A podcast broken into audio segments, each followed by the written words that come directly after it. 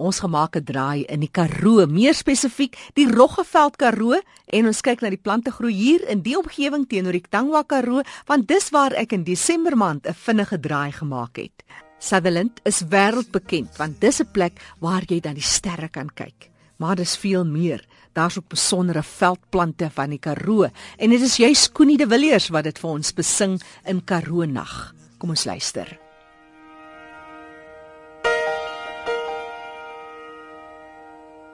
As die nacht se baie toe knop oor die veld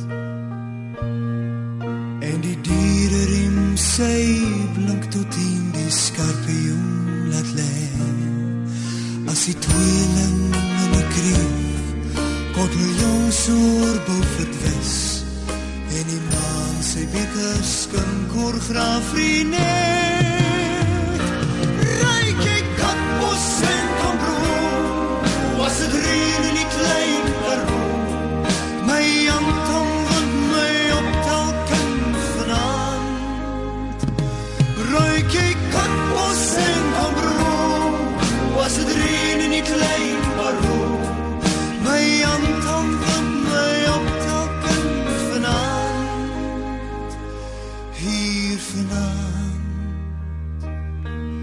In die môre as dit blou word en die amber wolke roer. As die son sy eerste lig oor die bitter boela stoot. As die trein by nou moet vloot en dit wegraak in die wind. En dit almos sy was vas weit in die rand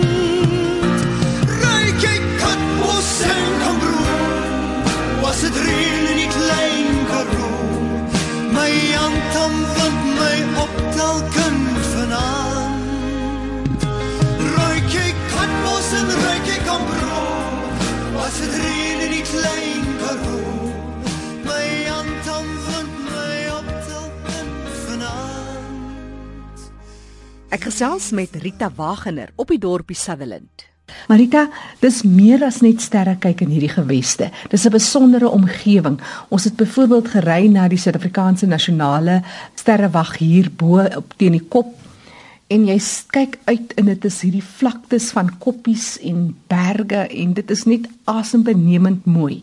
En dis juist waar jou liefde begin het, want jy's 'n kind wat groot geraak het hier. Nou is jou kleinkinders al saam met jou hier en julle is tog altyd bedrywig hier. Ja, Jackie, dit is alles in 'n so groot voorreg om hier te kon groot raak en alles te kan sien in daai tyd wat ek groot geraak het, het ons hans net na die sterre gekyk. Ons het nie die kennis gehad om te weet wat daarbo aangaan nie.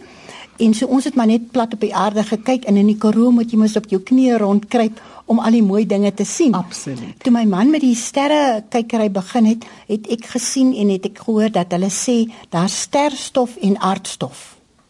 En wat bo by die sterre is, is hier op die aarde ook.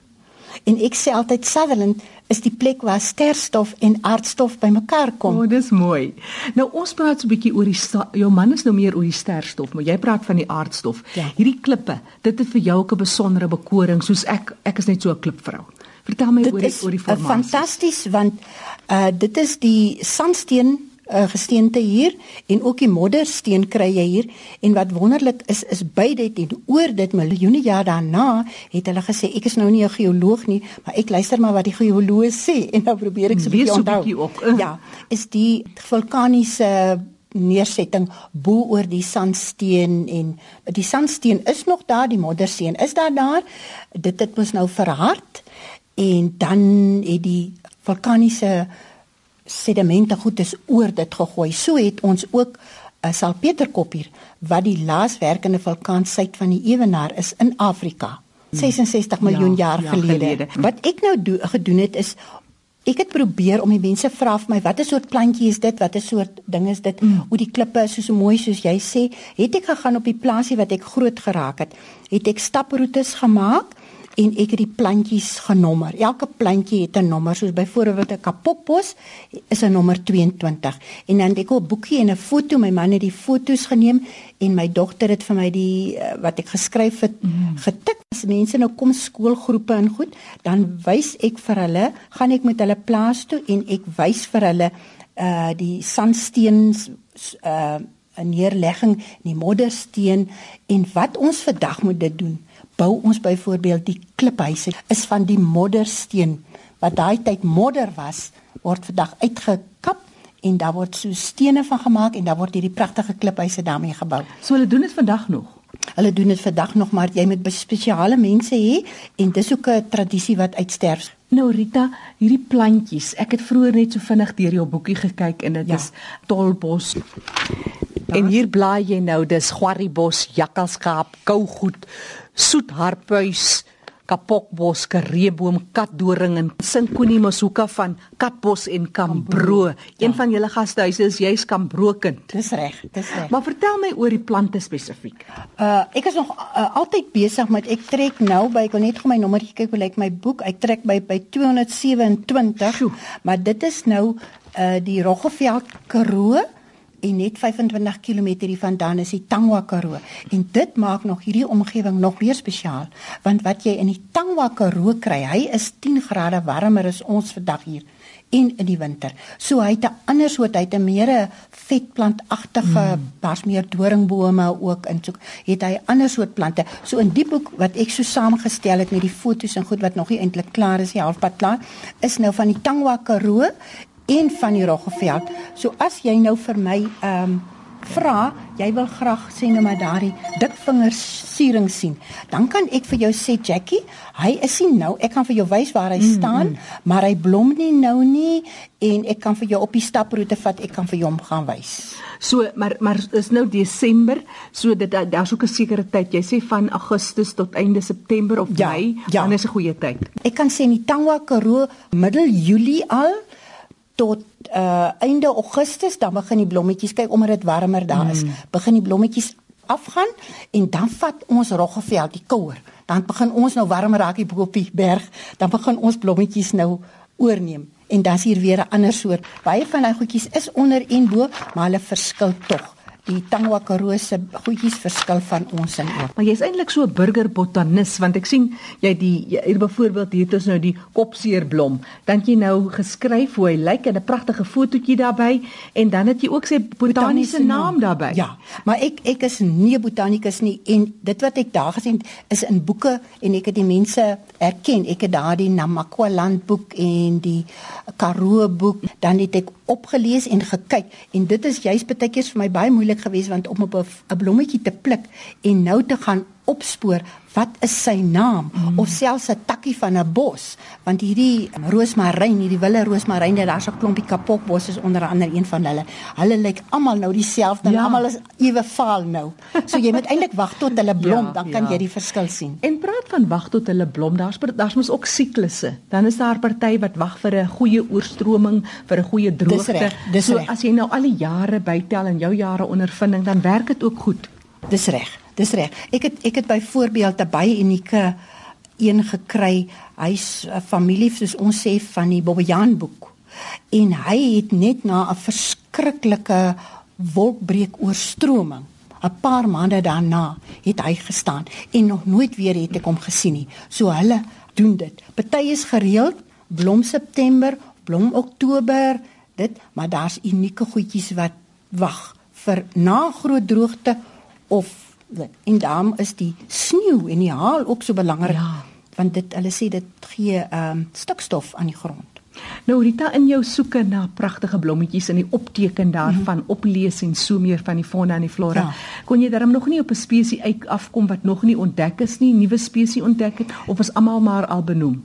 Almal is maar basies benoem. Hier was enetjie wat hulle gesê dis nou die eerste keer, maar ek dink nie dit is baie waar nie.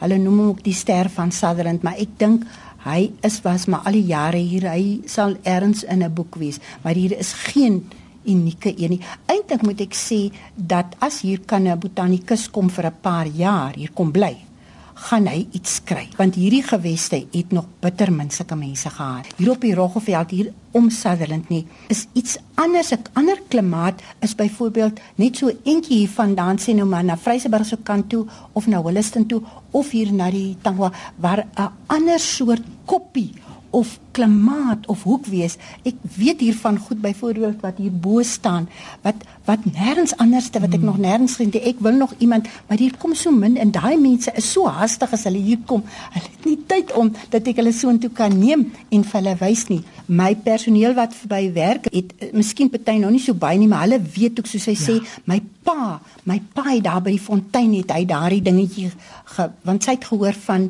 Antoinette Pinaar. Toe sê sy daai dingetjie wat Antoinette, ek weet nie spesifiek watter dingetjie sy praat van nie. Sy sê my pa het gepraat van daai plantjie. Mm. Hy maar ek het nou al weer vergeet, maar so hulle hoor van wat hulle ma's en pa's gepraat het en hulle het ook al baie van my goedjies gesê wat ek vra wat is dit dan mm. kan hulle vir my sê hulle jy drink kom vir maagpyn of so iets maar ek is nou nie Antoinette Pinaar en vir my is dit net verskriklik mooi om ja. in die Karoo te loop en dit met ander te deel. Daarom het ek ook die plante genommer en die staproetjies op hierdie plaas gemaak. Dis al my staproetjies daar. Jy's as jy alles in alles stap, is dit omtrent so 12 km. Jy kan kort stap of mm. lank stap. En wat ek wel ook gedoen het is die Karoo. Ek het al gesê as die groot musiekmeesters kon die Karoo belewe, sou hulle 'n pragtige klassieke stuk ja. gekomponeer het oor die Karoo. Ek probeer ook om hier bordjies te sit van Idi Du Plessis van MP van Wyk uh, Lou en ook van Philander het ek 'n pragtige gediggies wat ek in langs die pad sit.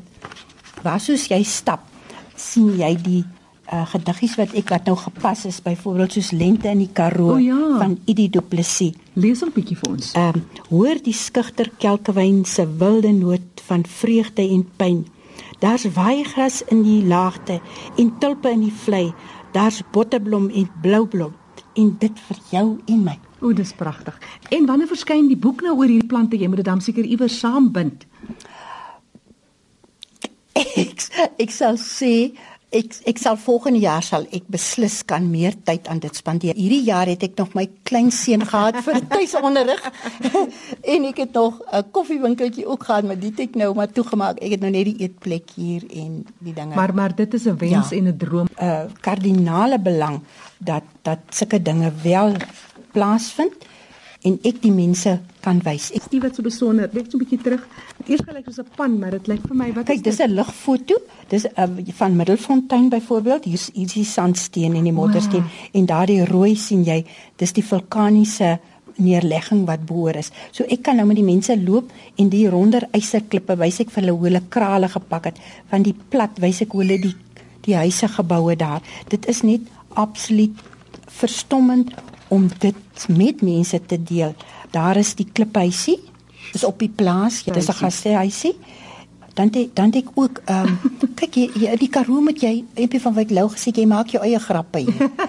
en en jy maak jou eie stories. Dis mooi. So hierdie is ons spookroete. Daar's 'n videoklip oor die spookroete. www.sutherlandinfo.co.za. Hulle kan kyk en dan druk hulle net op Kambro of uh 'n plaas akkommodasie of hulle druk ehm uh, sê nou maar sterre kyk of hulle kan op Middelfontein druk Rita Wagner wat so lekker gesels oor Sutherland en die aktiwiteite vir 'n toerist, sommer net vir 'n kuiermens hier uit die omgewing en vir almal. Net so ter afsluiting, jy het hierdie ehm uh, byvoorbeeld jou staproetes in die Roggelveld Karoo. Gee vir ons so 'n laaste gediggie so ter afsluiting, Rita. Sekoe vlei. Mm. Se tweede versie van ja. MP van Wyk Lou. Ja, was... Ek staan weer by 'n wit poel waar in wintermiddag sneeu en ek is klein en hoor verskrik 'n jakkals uit die rand skreeu. O, oh, dis baie mooi. Die stem daarvan Rita Wagner van Sutherland in die Karoo. Ek gaan my kaartjie nader ek haar webtuiste herhaal. Dis www.sutherlandinfo.com www.co.za. Jy kan ook vir hulle skakel op 082 556 9589. Ek herhaal 082 556 9589. Ek is Jackie January wat groet hier van uit Sutherland in die Roggeveld Karoo. Hier vanaand